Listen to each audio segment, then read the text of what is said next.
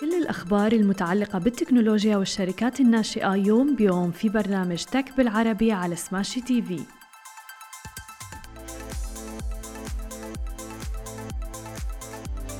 صباح الخير. عناوين اليوم ديزني ترفع أسعارها. جرابتك توقع شراكة جديدة ومنصة شروة تحصل على تمويل جديد. يا أهلا وسهلا فيكم ببرنامجكم تك بالعربي. معكم أنا هالة بسام ومعنا بخلف الكواليس علي. خلونا نبدأ أخبارنا اليوم ونحكي تحديدا عن منصة ديزني. أعلنت الآن شركة والت ديزني أنه إجمالي عدد مشتركي خدمتها ديزني بلس ارتفع إلى 152.1 مليون مشترك خلال الربع المالي الثالث. في حين عم تتوقع وعم بيتوقع أيضا المحللون عدد مشتركين يناهز تقريبا ال 147.76 مليون. وبنهاية الربع المالي الثالث بلغ عدد مشتركي خدمة هولو تحديدا نحو 46.2 مليون مشترك. في حين بلغ عدد مشتركي ESPN Plus نحو 22.8 مليون.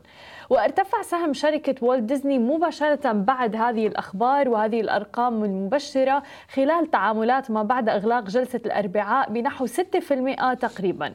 وكشفت الشركة عن هيكل تسعير جديد بيتعلق بخدمة ديزني بلس تحديدا المدعومة بالإعلانات ضمن الجهود لزيادة الربحية لجعل أعمال البث المباشر ربحية أكثر. ورح ترفع شركة الوسائط الإعلامية العملاقة التكلفة الشهرية لخدمة ديزني بلس تحديدا بدون إعلانات بنسبة 38% لتصل إلى 10.99 دولار في ديسمبر كانون الأول عندما تبدأ في طرح خيار جديد بيتضمن إعلانات بالأسعار الحالية. وخلال الربع الثالث من السنة المالية خسرت ديزني بلس وهولو وحتى ESPN Plus نحو 1.1 مليار دولار مما بيعكس ارتفاع تكلفة المحتوى على الخدمات. وانخفض أيضا متوسط إيرادات ديزني عن كل مستخدم لخدمة ديزني بلس بنسبة 5% تحديدا في الولايات المتحدة الأمريكية وكندا أيضا بسبب اتجاه العملاء الذين ينجذبون لعروض أقل تكلفة. ولذلك قررت فعلا ديزني أنه تعمل خيار آخر مع يعني خيار مع إعلانات بسعر أقل ولكن خيار الإعلانات رح يكون بسعر أغلى. أما إذا ننتقل إلى عالم الشركات الناشئة ونحكي تحديدا عن منصة جرابتك وقعت الآن منصة جرابتك لأنظمة إدارة المطاعم والمطابخ السحابية اتفاقية تعاون مع شركة جيديا لحلول الدفع الإلكتروني والتقنية المالية. وذلك بهدف تقديم خدمات الدفع بمختلف أنواعها من خلال نقاط البيع الإلكترونية لعملاء جرابتك تحديدا سواء كان من المطاعم وحتى المطابخ السحابية وأيضا بيشمل هذا الموضوع الكافيهات العاملة في السوق المصري.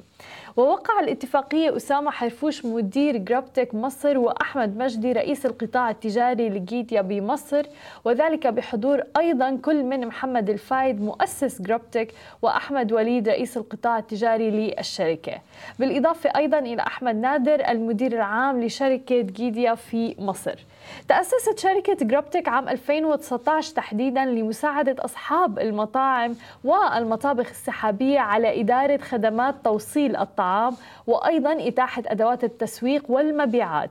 بالإضافة إلى ذلك بقدموا تحليلات مفصلة لبيانات المطاعم مما بيساهم في رفع سرعة العمليات وأيضا خفض التكاليف.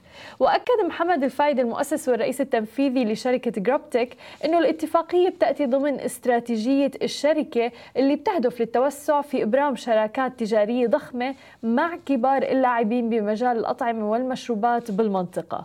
لافتا أيضا إلى انه هذا التعاون رح يبدأ تفعيله داخل مصر ولكن من ثم رح يمتد لبلدان أخرى تعمل بها الشركة بمنطقة الشرق الأوسط وأفريقيا وآسيا أيضا.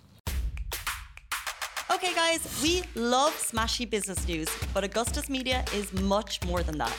That's right, we are a content house, and along with Smashy, Augustus Media creates heaps of content, like the Love in Dubai show.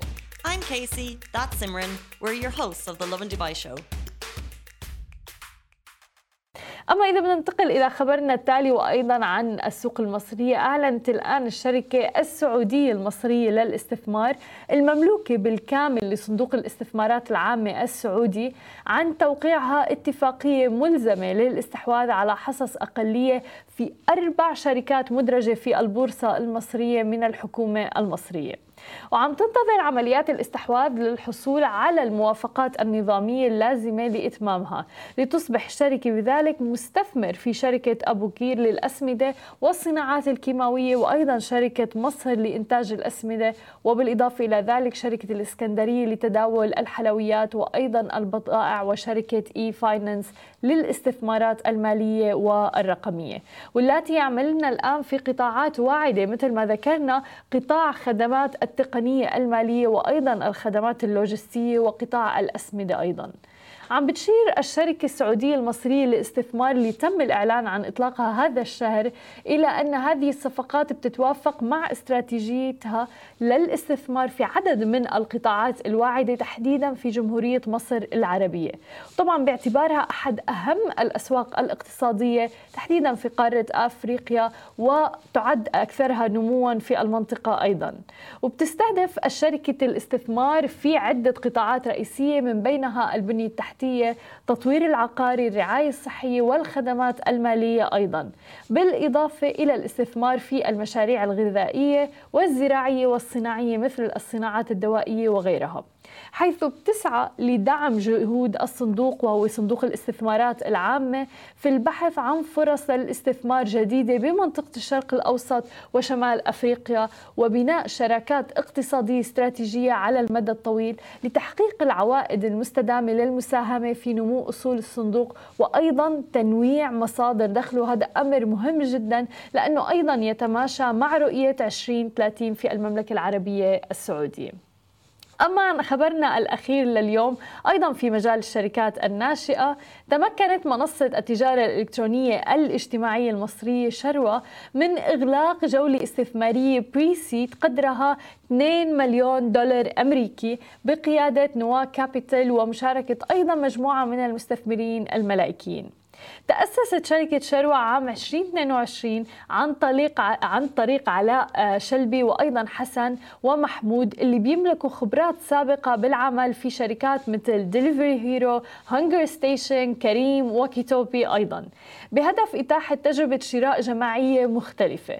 وبتسمح المنصة للعملاء شراء احتياجاتهم من المستلزمات المالية وعفوا المستلزمات المنزلية والبقالة معا ومن ثم تقسيمها فيما بينهم للحصول على أسعار أقل من المعتاد.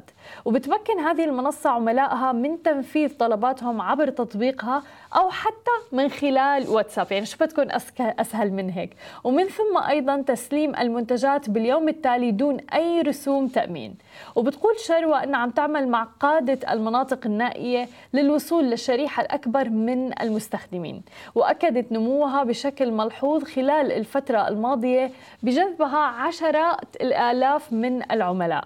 فيما أشارت أيضا إلى أن العملاء بإمكانهم الشراء من خلالها بشكل منفرد أو حتى على شكل مجموعات حيث بيتيح الشراء كمجموعات خصومات بتصل إلى 40% عندما يقوم أحدهم بدعوة شخص آخر مثلا للشراء أو المشاركة مع مجموعة سبق وقامت بالشراء عبر المنصة لتسهيل عملية شراء المستلزمات المنزلية والبقالة لكل المستخدمين. هذه كانت كل أخبارنا الصباحية لليوم. ما تنسوا تتابعونا على كل مواقع التواصل الاجتماعي الخاصة ب Smashi TV. تسمعوا البودكاست تبعنا وتنزلوا ال application. نهاركم سعيد جميعاً. مثل ما وعدناكم أخبار جديدة ومقابلات مع رواد أعمال يوميا في برنامج Tech بالعربي على Smashi TV. حملوا التطبيق الآن.